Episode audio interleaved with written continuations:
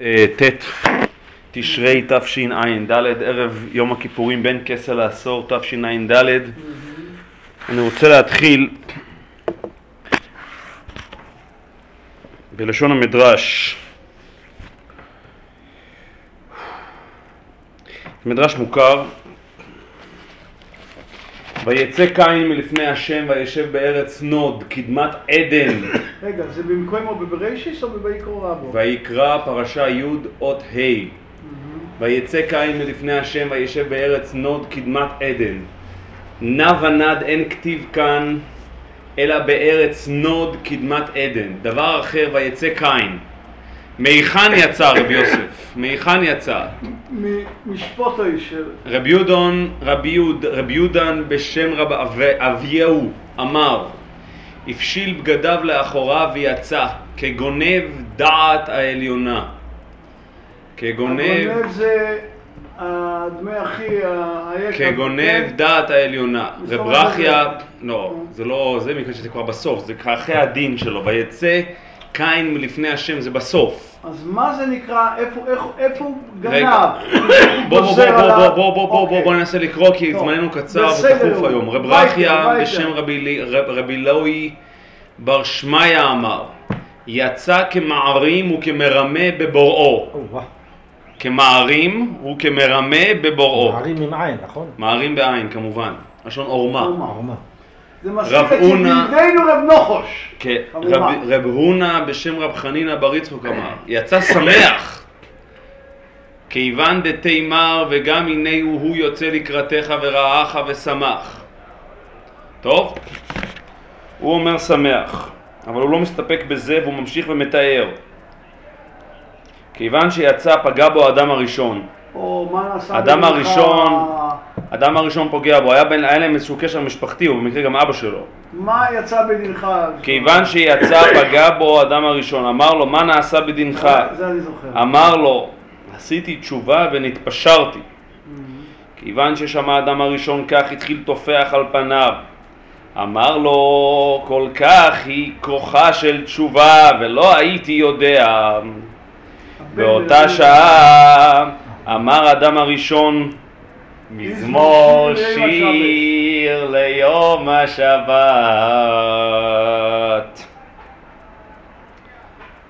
כאן אנחנו ממשיכים, אמר רב לוי, המזמור הזה האדם הראשון אמרו, על דייתי דרב יהודה ברעבי דאמר תפילה עשתה וכולי, טוב. טוב, המדרש הזה הוא מדרש פליאה. זה פותח בתיאור בדברי התנאים, שבדברי התנאים שדווקא מתארים מין איזשהו סוג של, סוג של דפוס התנהגות דפוס התנהגות חתרני כמעט הייתי אומר, מרדני אפילו. מרדני, חתרני, נכון, הפשיל בגדיו לאחוריו ויצא כגונב דעת העליונה. רב רכיה בשם רבי לוי בר שמעיה אמר יצא כמערים וכמרמה בבוראות. רב הונא בשם רב חנינא בר יצחק אמר יצא שמח, אז הוא אומר יצא שמח. ואז שהוא שומע שיש את הסוד שנקרא תשובה, אז הוא טופח על פניו. חיל טופח על פניו. אמר לו, כל כך היא כוחה של תשובה ולא הייתי יודע. באותה שעה, באותה שעה אמר האדם הראשון מזמור שיר ליום השבת. באותו שעה, ומה האדם הראשון? בעקבות ההבנה שלו על התשובה, שכל כך כוחה של תשובה, הוא מוצא לנכון רבי יוסף לשורר מכל המזמורים הוא בוחר לשורר את מה? מזמור שיר ליום השבת. מה יש במזמור שיר ליום השבת שעניינו תשובה בכלל? איך זה מתכתב עם עניין התשובה? מה בעקבות ההבנה שלו שכל כך כוחה של תשובה הוא מגיע למסקנה שהוא צריך לשורר, או מסקנה או איזושהי תחושה פנימית שמבעבעת בו ומביאה אותו לשורר את מזמור שיר ליום השבת והדברים צריכים ביור ולימוד גדול. האמת שהמדרש הזה הוא קצת, הוא לכשעצמו לא מובן מאליו בכלל, מכיוון שאנחנו יודעים שיש מדרש אחר, דברי חכמים, אני חושב אפילו ביותר ממקום אחד, על כך שהאדם הראשון עשה תשובה. ואיפה החז"ל? זה חז"ל, זה חז"ל ב, על הסדר אצלנו בפרשת בראשית. שחז"ל מתארים מה היה בשעה הראשונה לבריאתו, בשנה, בשעה השנייה, בשעה השלישית, גיבל את האדמה, יצרו מעפרו וכולי וכולי, חטא בשעה העשירית, ואז חדל, ואז, ואז בשעה 11 כמדומני, יצא בדין בדימוס, יצא בדימוס, זה הלשון, יצא, יצא בדין בדימוס, אתה מכיר את הלשון? ודאי. יצא בדימוס. יצא בדימוס. נכון, יצא בדימוס. ומה זה? יצא בדימוס לכאורה איזשהו... מה זה מילולית? זה יוונית הרי. כן? נכון, מה שהוא זה מילולית? בתיקון. כאילו, אה, בתיקון, לכאורה. לכאורה שהוא עשה תשובה, מפורש. כן? שהוא אבל יש. חז"לים כהנה וכהנה נכון, נכון. שלא עשה. לא, לא, נכון, נכון. לא, לא, חוץ מהרגע שהקראת. נכון, נכון. טוב, הם אומרים שם איזה מילה, זה שאם היה עושה תשובה או שנו. טוב, מה שאני רוצה לומר, מה שאני רוצה לומר, הדברים הם בלב ליבו של היום הגדול והנשגב. שאנחנו עומדים בראשיתו. אגב, סליחה, הדיבור המסחי, כי זה מדבר על יום כיפור, ראש השונה, מה- מה בעיקר רבו? זה- הוא לא מדבר לא עם כיפה לא ראש לכאורה, לא, הוא מדבר- לא, על מושג התשובה. הוא. מדבר על מושג התשובה. הוא מדבר על מושג התשובה. מושג התשובה. כל כך כוחה של זה תשובה. לא מוסמך על איזה פסוק ש... כל לא. כך, לא, לא, כל כך טוב, כוחה, טוב, כל. כך כוחה של תשובה. אז אני רוצה לדבר בעקבות מה שדיברנו כאן לפני ראש השנה, בעניינו של ראש השנה. כפי שהגדרנו את ראש השנה, שזה בעצם היום שבו האדם מכפיף עצמו, מצטרף אל הנוכחות השלמה, אל ההכרה הראשיתית השלמה בדבר היותה של הבריאה כולה. בריאתו של הקדוש ברוך הוא, מציאות ש, של, של, מציאות של התגלות, מציאות של מלכות, כפי שאנחנו מתארים זאת. והרחבנו כאן בפעם האחרונה בעניין של ראש השנה.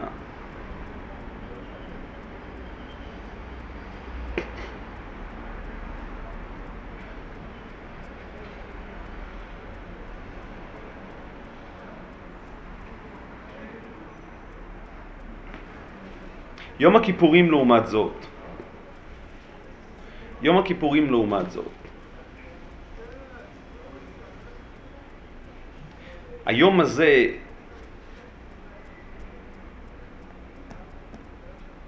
אם בראש השנה, ואנחנו דיברנו על כך בכמה וכמה הקשרים, שאם בראש השנה האדם מזהה את עצמו, האדם בעצם מבטל את עצמו לגמרי בתוך הנוכחות השלמה, בתוך הנוכחות האלוהית השלמה, מצטרף ומסתנף לנוכחות הזאת. ביום הכיפורים המהלך שעושה האדם הוא מהלך הפכי לחלוטין. ביום הכיפורים המהלך שעושה האדם הוא מהלך של התבדלות, הוא מהלך של מידור, הוא מהלך של התנתקות. דיברנו על כך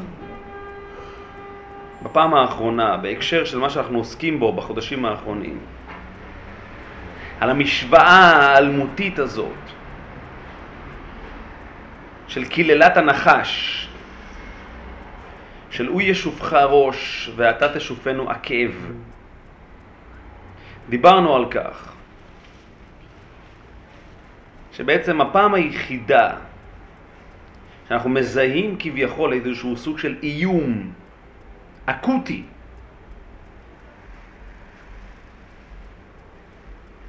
על המעמד שלנו, על העשייה שלנו, על היכולת הפעולה שלנו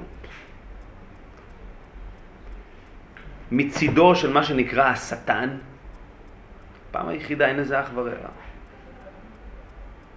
זה בראש השנה. הפעם היחידה שאנחנו לא רק מתכתבים עם השטן במובן הזה שאנחנו אנחנו בהחלט מזהים בו פוטנציאל לאיום, שאומרים פוטנציאל לנוכחות אלטרנטיבית. מה אתה אומר? שאומרים הס קטגור, זה? זה לא רק אס קטגור, כל הנושא של ערבוב השטן, שבא לידי ביטוי בהמצווה, המצווה של מצוות תקיעת השופר, ולא מדובר באיזה שהם דברים של מקובלים או כיוצא בזאת, אלא זה, זה בגמרא. ודיברנו על כך, על התקיעות דמעומד ועל התקיעות דמיושב, רב דוד לוי בטח זוכר.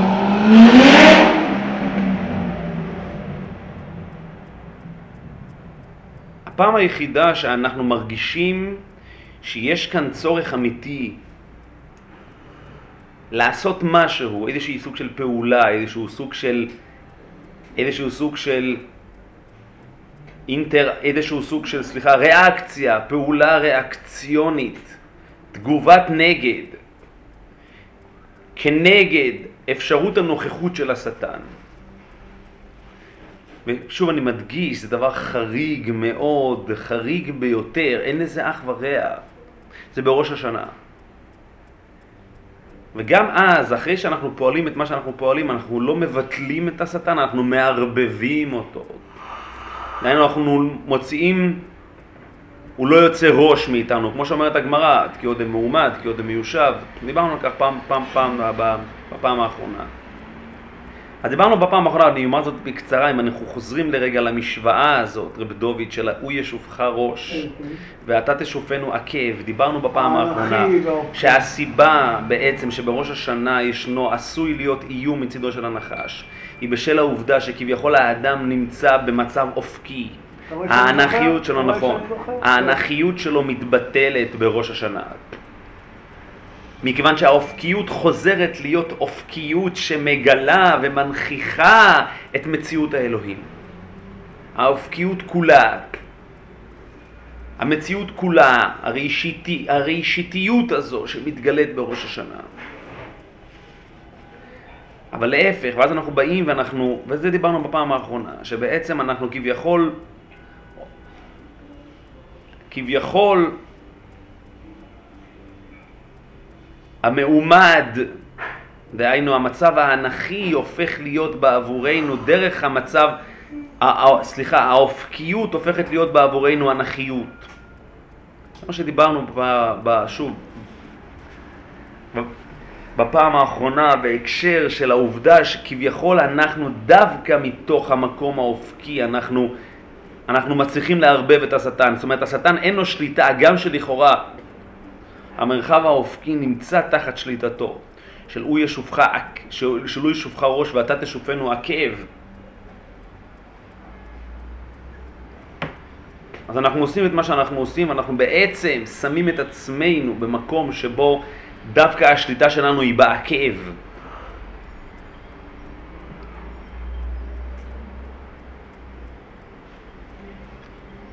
כנגד ראש השנה, זה ממש האנטיתזה המוחלטת מהבחינה הזאת.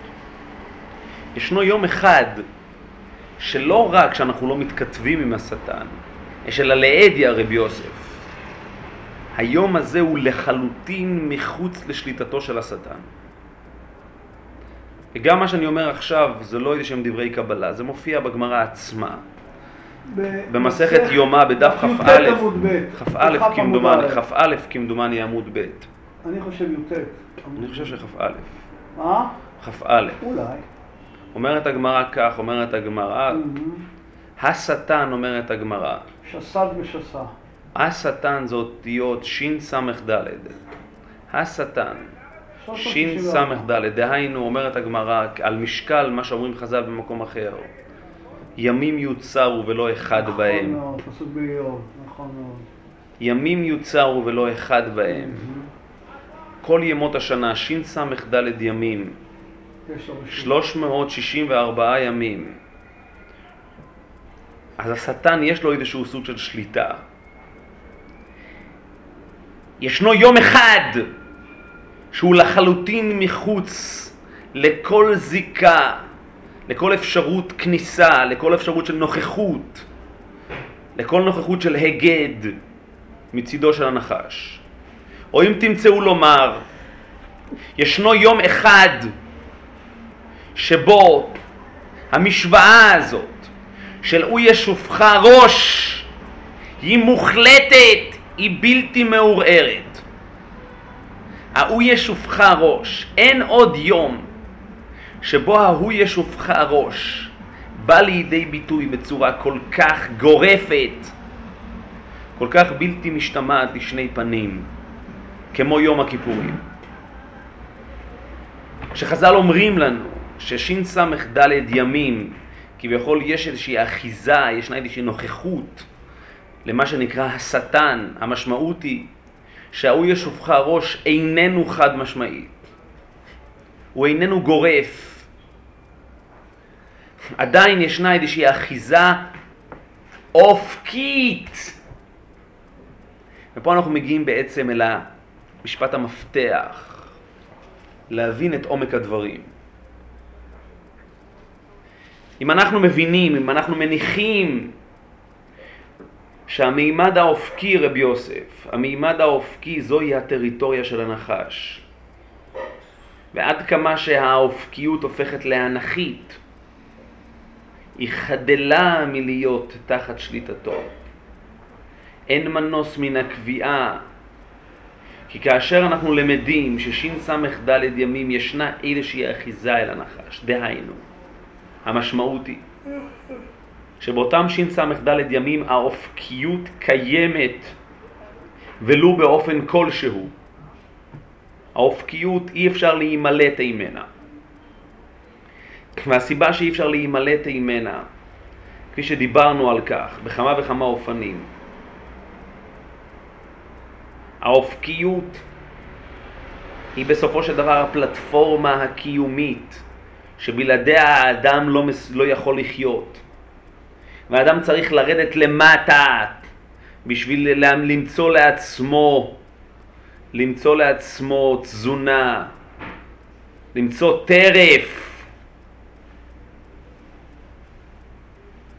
לקיים את עצמו, האדם מקיים את עצמו, והקיום במובנו הריש, הבסיסי הוא לעולם אופקי. וזה כל מה שאנחנו מדברים בשבועות ובחודשים האחרונים בעניין קללתו של האדם. ואכלת את עשב השדה כפי שדיברנו. בזיעת אפיך תאכל לחם. בזיעת אפיך תאכל לחם. הקיום, אי אפשר להתקיים אם, לא, אם, אם, אם אין איזושהי הזדקקות ולו בסיסית כלשהי אל הראשיתיות האדמתית הזאת שממנה בסופו של דבר האדם שואב את קיומו. אין מנוס מכך. ואי לכך ובהתאם לזאת, אנחנו מבינים היטב מדוע, רב דוד, מדוע באותם שס"ד ימים השטן לעולם תהיה לו נוכחות כלשהי. כי השס"ד ימים מייצגים את הקיום הטבעי, את הקיום היומיומי, את המציאות הריאלית, את המציאות הפרגמטית הזו שהאדם בתוכה חי והוא מבין שהוא חורש בשעת חרישה וזורע בשעת קצירה והוא נזקק אל הדיאלוג המתמיד הזה של לרדת מטה ממרומי מושבו המתנשא והמתגדל והאנכי הזה לרדת מטה ולקיים את עצמו מתוך המימד האופקי ולכן זה בלתי נמנע שהשטן הוא כנגד אותם שס"ד ימים. כי באותם שס"ד ימים הקיום לעולם יאמר את דברו. הקיום לעולם יהיה לו, יהיה לו משמעות. יהיה לו מה לומר. זה בלתי נמנע. יהיה האדם גדול, מתנשא ואנכי ככל שיהיה. ואם כנגד זה אנחנו למדים שישנו יום אחד שבו השטן לחלוטין אין לו כל זיקה. המשמעות הבלתי נמנעת היא שביום הזה האדם הוא אופקי, סליחה, האדם הוא אנכי באופן טהור ומוחלט. או אם תמצאו לומר, אין לו שום זיקה אל האופקיות. האדם הזה אין לו שום זיקה אל האופקיות. ומי הוא האדם הזה? מי הוא האדם הזה? האדם הזה, רבי יוסף, הוא האדם של יום הכיפורים. הוא האדם של יום הכיפורים. הוא האדם שביום הכיפורים בעצם מכריז כביכול על עצמו, שאין לו שום תלותיות במימד האופקי. המימד האופקי איננו תקף לגביו בשום צורה ואופן. והוא מיישם זאת הלכה למעשה, וכמובן אני מדבר בראש ובראשונה אל אותם חמישה עינויים שהאדם מכיל על עצמו ביום הכיפורים, שעניינם בראש ובראשונה לחתוך, לנתק את חבל הטבור הזה, שהאדם קשור אל, אל המימד האופקי. אני לא סתם אומר חבל, טבור, מכאן שהמימד האופקי הוא בעצם נקודת הראשית של ההוויה שלו, ודי למבין. בכל מקרה, ביום הכיפורים, האדם מנתק את חבל הטבור הזה. הוא מנתק את הסימביוזה הזאת, את התלותיות המוחלטת, הבלתי מעורערת הזאת, הבלתי נמנעת ליתר דיוק הזאת. מה מש... מהי משמעה, מהו משמעותו של הניתוק הזה? הניתוק הזה בעצם הופך את האדם להיות אנכי במובן היותר טהור של המילה. או אם תמצאו לומר, האדם הופך להיות ראש ראש וראשון הופך להיות האדם ביום הכיפורים, באופן שבו השטן, דהיינו שס"ד ימים. רב דוד, אתה עוקב אחרינו? אותם שס"ד ימים אינם תקפים לעומתו, ימים יוצרו ולא ולא בו' אחד בהם, או, אם, או ולא באלף אחד בהם. האנכיות הטהורה המוחלטת כפי שהיא באה לידי ביטוי ביום הכיפורים.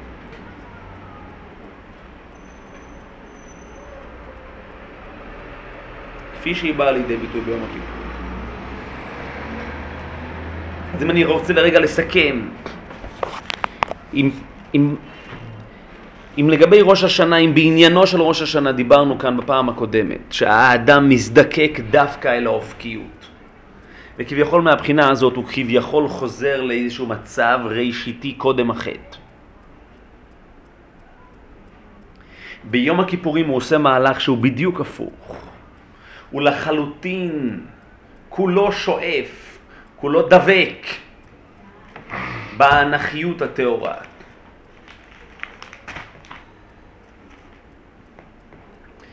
אם ראש השנה, אם בראש השנה אנחנו מתארים, מגוללים את ההתגלות של השופר, כפי שהייתה באה לידי ביטוי במעמד הר סיני, היינו לוחות ראשונות, היינו מציאות שבה, מה אנחנו בעצם מתארים שם? בהתגלות השופר. את האופן שבו כל המציאות כולה מצטרפת, מסתופפת בצל ההתגלות הגדולה של מעמד הר סיני. זה בעצם עניינו של כל השופר. זה מה שאנחנו מתארים בראש השנה, בתפילת השופרות.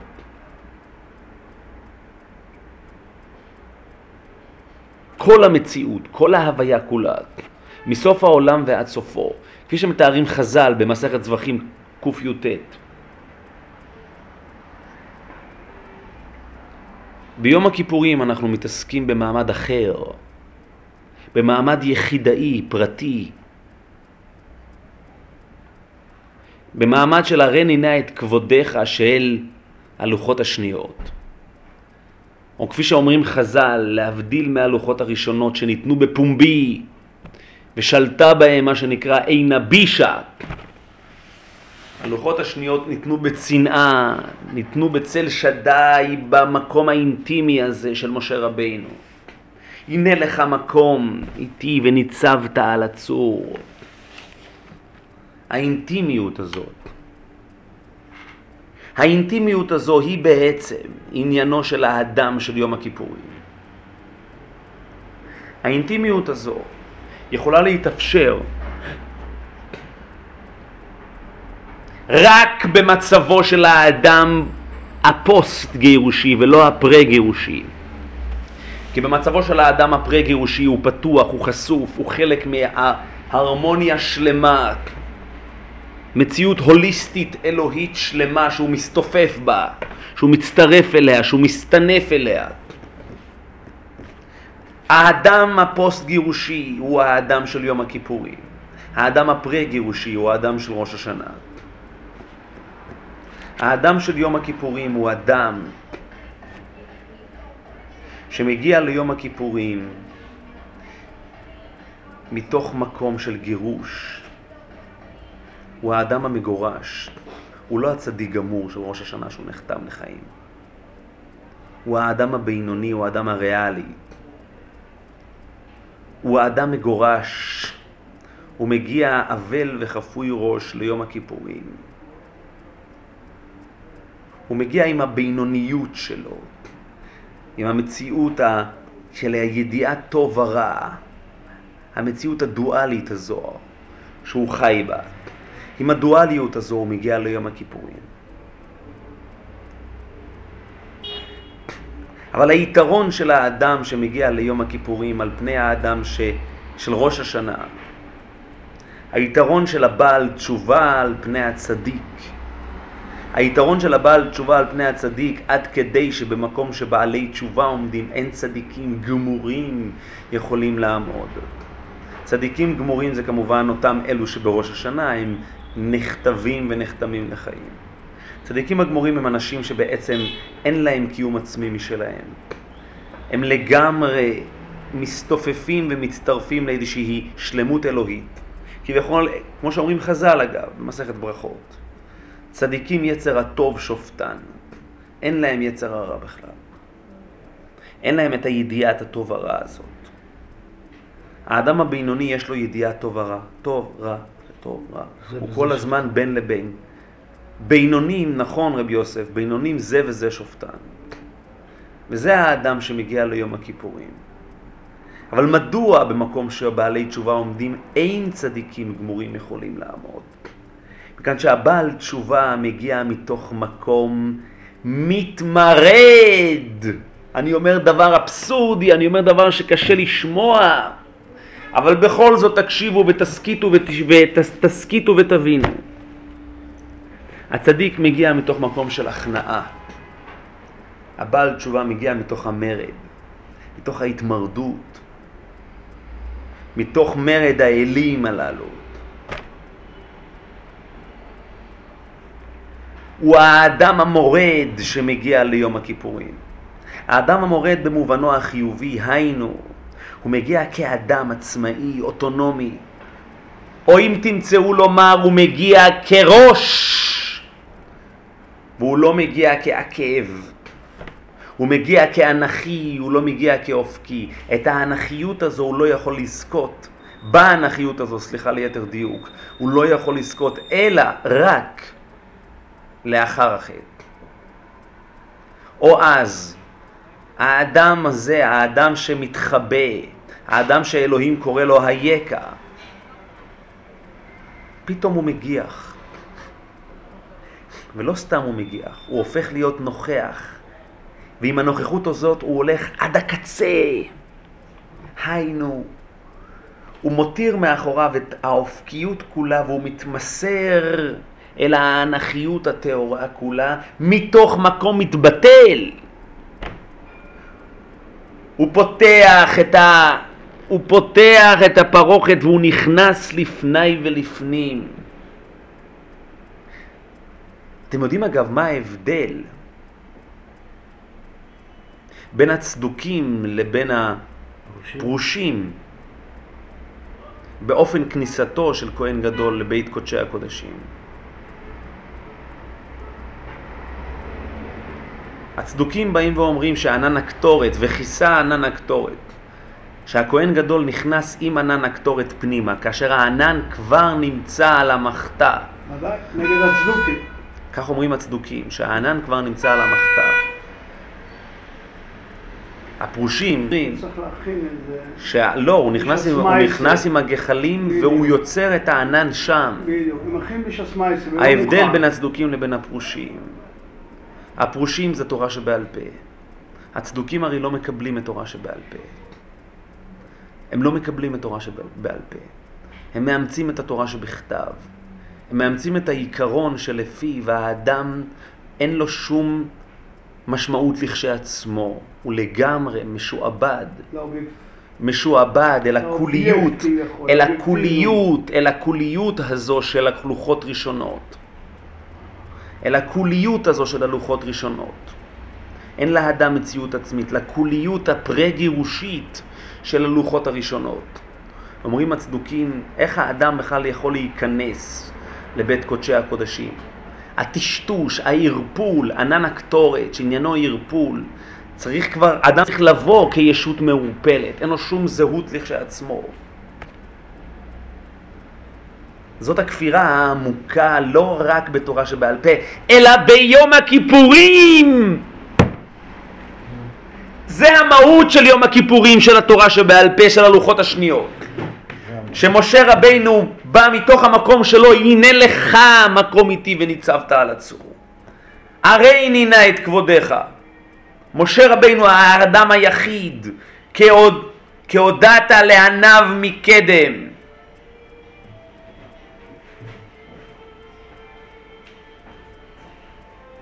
באים הפרושים ואומרים, באים הפרושים ואומרים, באים הפרושים ואומרים, לא ולא, האדם מביא את עצמו בטהרתו, בלי שום ערפול, בלי שום טשטוש. שם מתבצע, לפני השם מתבצע הערפול. הכניסה היא כניסה עצמאית, אוטונומית, קוהרנטית מאוד. הכהן מביא את עצמו, את הראש שלו, מביא הכהן כמות שהוא, אל תוך בית קודשי הקודשים פנימה. שם לפני השם, כאשר הוא נמצא לפני השם, הופך להיות המעמד, מעמד ארטילאי לחלוטין, מופשט לחלוטין, מטושטש לחלוטין. חג שמח, חתימה טובה. שם מתבצע הערפול, לא בחוץ, בפנים הוא מתבצע, לפני השם. הבשורה הגדולה, הבשורה הגדולה של התשובה, אני לא אלאה בדברים, הבשורה הגדולה של התשובה היא הבשורה של החירות. עניין התשובה בעצם, הגולת הכותרת של התשובה היא בעצם אפשרותו של האדם. מצד אחד, התשובה בעצם באה עם התביעה לקבלת האחריות. דהיינו, האדם הוא ישות אוטונומית, הוא הישות האחראית למעשיו, מצד אחד. מצד שני, האדם כישות מטמרפוזית. האדם זה נתון לבחירתו של האדם. אין שום דבר דטרמיניסטי בעובדה שהאדם הוא חוטא. האדם יכול לחולל את המטמרפוזה הזאת בעצמו במנותק מכל ההוויה הסובבת אותו. או אם תמצאו לומר, האדם שולט על מעשיו ולא מעשיו שולטים על האדם. וזה בדיוק העניין של הווידוי ולא ניכנס לזה כרגע כי זה דורש הרחבה. הזיקה הבלתי אמצעית בין האדם לבין המעשה. ברטרוספקטיבה. הבשורה של החירות. הבשורה של החירות באה לידי ביטוי ביום הכיפורים, כמובן בכל שנה ושנה בעצם מעשה התשובה, הציווי על התשובה, חובת התשובה. אבל יש אחת לחמישים שנה בזמן שהבית עומד על תילו, שישראל על אדמתם. בשורת החירות באה לידי ביטוי ביובל, שהיא-היא קדושת יום הכיפורים. וקראתם דרור בארץ לכל יושביה. הבשורה הזאת על החירות.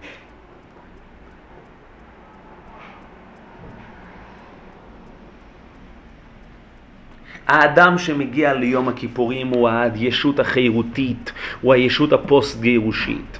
הוא הישות שהאדם חייב לקבל על עצמו את התוספת יום הכיפורים וכך להיכנס. לכן תוספת יום הכיפורים היא מדאורייתא. האדם מתעסק בראש ובראשונה עם הראש שלו, עם התפיסה ההכרה העצמית שלו, עם הכל נדרי ואסרי וחרמי וקונמי ושבועי ואסרי שהוא אסר על עצמו, על נפשתנה. זה האדם הפוסט-גירושי ולא הפרה-גירושי. זה, בזה, בזה האדם נוגע בראש ובראשונה. כך הוא נכנס ליום הכיפורים. מתוך התוספת הזאת הוא מקבל את יום הכיפורים. זה האדם של הוא ישופך ראש באופן מוחלט. שום זיקה, כל זיקה אל האופקיות.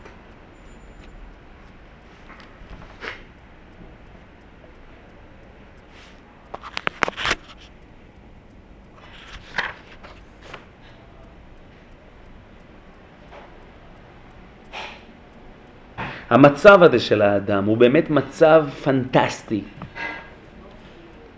הוא באמת מצב שבו האדם בעצם הופך להיות כולו לפני השם.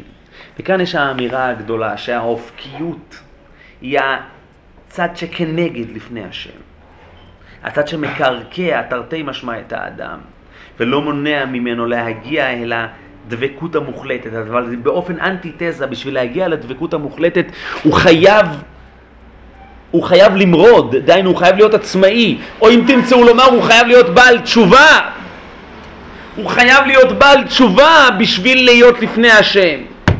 ולכן במקום שבעלי תשובה עומדים אין צדיקים גמורים יכולים לעמוד. כי הצדיק, כי הצדיק, שהוא, הצדיק, הצדקות היא חלק בלתי נפרד מהמציאות האופקית שלו. זה בעצם עניינו של הצדיק, ולכן הצדיק נכתב לחיים, לאלתר לחיים בראש השנה. כי הצדקות מובנית בבסיס קיומו האופקי. אצל הבעל תשובה, הצדקות לא מובנית בבסיס קיומו האופקית, להפך, קיומו האופקי הוא בינוני. הוא בין לבין, הוא לעולם, טוב ורע, טוב ורע. הוא בינוני,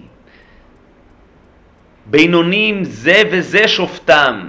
יש לי משהו להוסיף. רגע, אבל הבעל תשובה מנסה את עצמו, ביום הכיפורים האדם הוא בעל תשובה. ביום הכיפורים האדם הופך להיות האדם המורד וכך הוא מקבל את הלוחות השניות. כך הוא בעצם הופך להיות כולו ראש. כך הוא הופך בעצם להיות, הופך את האנכיות להיות המציאות האופקית שלו. אם אמרנו שבראש השנה אנחנו הופכים, הופכים את האופקיות להיות האנכית שלנו, הרי שביום הכיפורים אנחנו הופכים את האופקיות להיות האנכית. אני מקווה שאני מובן במה שאני אומר עכשיו. זה הבעל תשובה, רק הבעל תשובה מסוגל לחולל את המטמרפוזה הזאת של להפוך את האופקיות לאנכית. להפוך את האופקיות לאנכית. סליחה, כן. להפוך את, הסליחה, את האנכיות לאופקית, במובן הזה שזה, הוא חי מתוך, מתוך הראש, הוא לא חי מתוך העקב.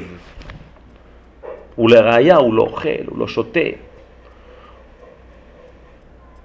כל מה שנוגע אל הקיום לא תקף בו, הקיום האופקי. אז מהו הקיום שלו? הראש הוא הקיום שלו. זהו בעל תשובה של אמת. זהו בעל תשובה ויתרונו המובהק על פני הצדיק. כן, רב. אני הרי בא רק מהגמרא, כן, אני לא... בגמרא אני חושב שאני מבין נקודה כעת שמתקשרת למה שאתה מדבר. היינו, הגמרא ממשיכה שמה, אומן מחטיאו הסיפור עם הבתולות בנרדויה, שלא בא המשיח. אז הוא אומר לו, הקדוש ברוך הוא, הקדוש ברוך הוא, לפתח חטף לו בעצם. כן, כן, כן. אז לכאורה זהו בדיוק, הסובייקט, מה שאתה מדבר, אני רוצה להכניס את הגמרא לדבריך, הסובייקט מול הקדוש ברוך הוא, ביום האחד הזה, הם ממש, הסובייקט עם הקדוש ברוך הוא, אין, אין את ה... כאילו ה... מה? נכון מאוד. כן? נכון מאוד. אין לי את ההסברה נכון שלך, מאוד. ואני גם עייף. נכון מאוד? נכון מאוד, זה ממש נכון כפתור מאוד, בפרח. נכון מאוד. הפלא ופלא, וזה בעצם הסוד של מה שנקרא לפני השם. זה הסוד של מה שנקרא לפני השם. אני רוצה לחזור, אם כן, אולי בזה באמת אני אסיים, כי דיברנו באמת את עיקרי הדברים. אבל המדרש כאן הוא מדרש נפלא, לאור מה שאנחנו מדברים, אני רוצה להתייחס לכך. ויצא קין מלפני השם. יש כאן דבר מרתק. יש כאן לפני השם, אבל קין יוצא מלפני השם. מה בעצם החוויה של קין? מה היה שם בחוויה של קין לפני השם? קין יוצא, אנחנו לא יודעים מה היה לפני השם. אז הפסוק אומר, ויצא קין מלפני השם, וישב בארץ נוד קדמת עדן. נע ונד אין כתיב כאן. אין כתיב, אלא בארץ נוד קדמת עדן. דבר אחר, ויצא קין, מהיכן יצא? רב יודן בשם רב, בשם רב אייבו אמר, הפשיל בגדיו לאחוריו ויצא כגונב דעת העליונה. מוריי ורבותיי, מה שאנחנו מתארים כאן זה בדיוק את מה שאלבר קאמי קורא לו האדם המורד. רבי יהודן בשם רב אייבו אמר, ופשיל בגדיו לאחוריו ויצא כגונב דעת העליונה. עצמאי, אבל זה לא רק עצמאי, זה עצמאי חתרני. זה האדם המורד. רב רכיה בשם רבי אלי בר שמעיה אמר, יצא כמערים ומרמה דע בבוראו. אז דבר מבעית הדבר הזה, תתבוננו במה שאני אומר. כי הרי זה מוזכר כאן בנשימה אחת עם התשובה. מיד רבי בואו בשם רב חנינא אמר, יצא שמח, כמאן תימר. וגם הנה הוא יוצא לקראתך ורעך ושמח, כיוון שיצא פגע בו אדם הראשון, אמר לו מה נעשה בדינך? אמר לו עשיתי תשובה ונתפשרתי. מוריי ורבותיי, עשיתי תשובה ונתפשרתי. לא רק שזה לא סותר את הדעות הקודמות של התנאים שלפני כן, אלא זה כפתור ופרח. זה לגמרי משלים את דבריהם. מכיוון שהתשובה, יתרונה באופן פרדוקסלי, יתרונה של התשובה שהיא מגיעה מתוך המקום של המרד. היא מגיעה מתוך המקום של ההפשיל בגדיו לאחוריו ויצא כגונב דעת העליונה. היא מגיעה מתוך המקום של יצא כמערים ומרמה בבוראו. מתוך המקום הזה, מתוך המקום העצמאי הזה, מתוך המקום של הראש הזה, מתוך המקום של האייקה הזה, של האייקה הזה. אייקה. אז האדם, פתאום האדם מתגלה. לא רק, לא רק האלוהים מתגלה אל האדם ביום הכיפורים, האדם מתגלה לאלוהים ביום הכיפורים. פעם אחת נכנסתי להקטיר קטורת, וראיתי הקטריקל, כהשם צבקות, שהוא יושב על כיסא רם ונישא, ואמר לי, ישמעאל בני ברכני, זה ביום הכיפורים, מוריי ורבותיי, האדם מתגלה לקדוש ברוך הוא. האדם מתגלה לקדוש ברוך הוא, ישמעאל בני ברכני, יהי רצון מלפניך שיכבשו רחמך את געשך ויגולו רחמך על מידותיך. תתנהג עמנו במידת הרחמים.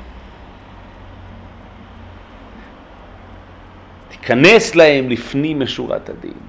יש כאן חוויה של התגלות כביכול שאלוהים חווה.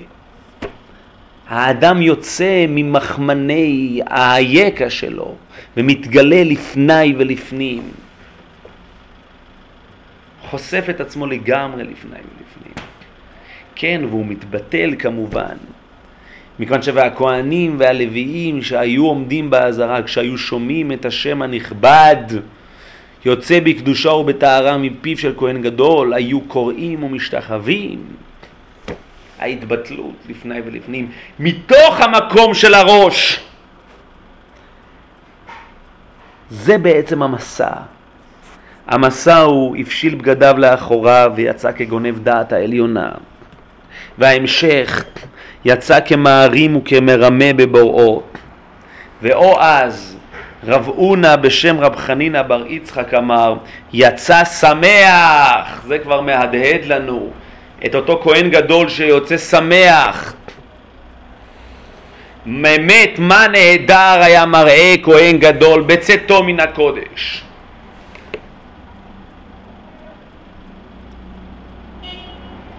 השמחה הזאת.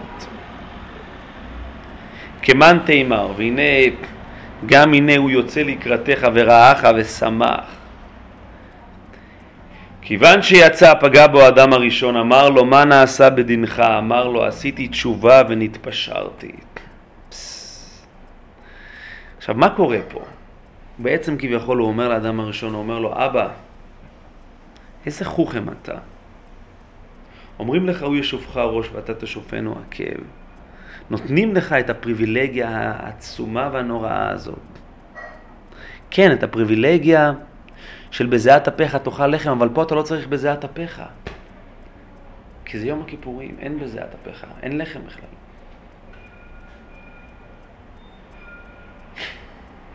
מה נותנים לך?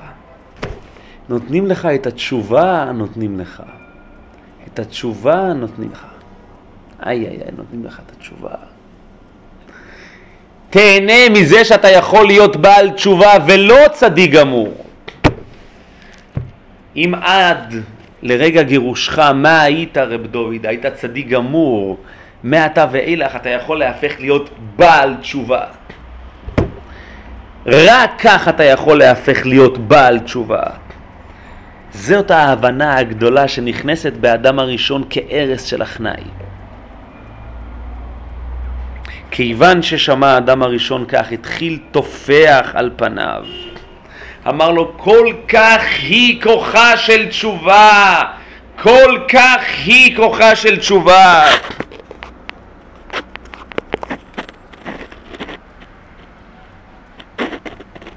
כל כך היא כוחה של תשובה, ולא הייתי יודע.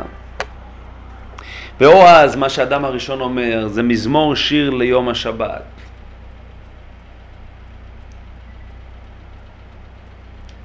מזמור שיר ליום השבת, טוב להודות להשם ולזמר לשמך, להגיד בבוקר חסדך. זה המצב הפרה-גירושי, ואמונתך בלילות. זה המצב הפוסט-גירושי. עלי היגיון בכינור. איש בר לא ידע, זה המצב הפרה-גירושי. וכסי לא יבין זאת, זה גם המצב הפרה-גירושי. בפרוח רשעים כמו עשב, ויציצו כל פועלי אבן להשישם דם עדי עד. האדם הוא איננו בר, הוא איננו כסיל, הוא בר דעת, הוא מבין זאת. אבל הכותרת היא מזמור שיר ליום השבת. היום השבת זה מה שבעיני אדם הראשון מייצג את הסיפור של התשובה. שאלנו, מה זה קשור לעניין התשובה? מה זה קשור? אז הדברים הם די פשוטים למען האמת.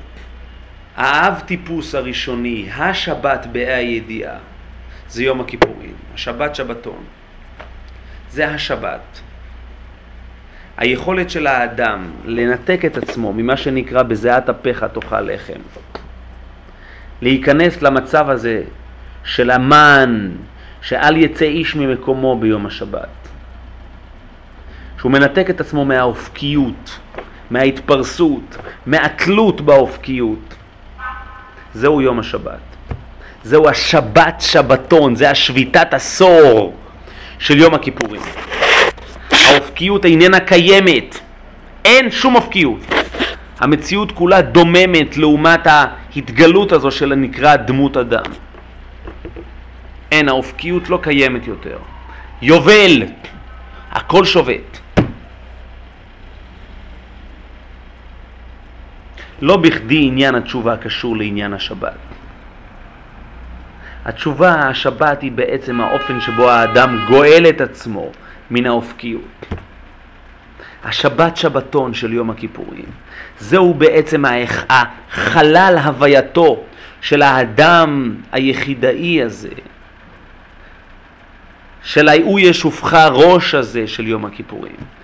זה השבת שבתון, זה השביתת עשור. זה מה שבעצם מאפשר לנתק ולבודד את היום הזה ממה שנקרא השטן. כי אין שום זיקה אל התשתית הראשונית שעונה לשם ואתה תשופנו עקב. אז זה מה שאני רוצה לומר היום, אני קיצרתי מקוצר הזמן והשעה, אבל אלו הם עיקרי הדברים. שהקדוש ברוך הוא יזכה שאנחנו ניכנס מתוך המקום של הוא ישופך ראש, מתוך התוספת יום הכיפורים הזו שלנו, אל יום הכיפורים, ומתוך המקום הטהור הזה, מתוך השביתת עשור המוחלטת הזו, נזכה להיטהר ולזכות למה שנקרא לפני השם תתארו ונזכה להיכתב ולהיחתם לחיים טובים, ארוכים ולשלום. שנה טובה.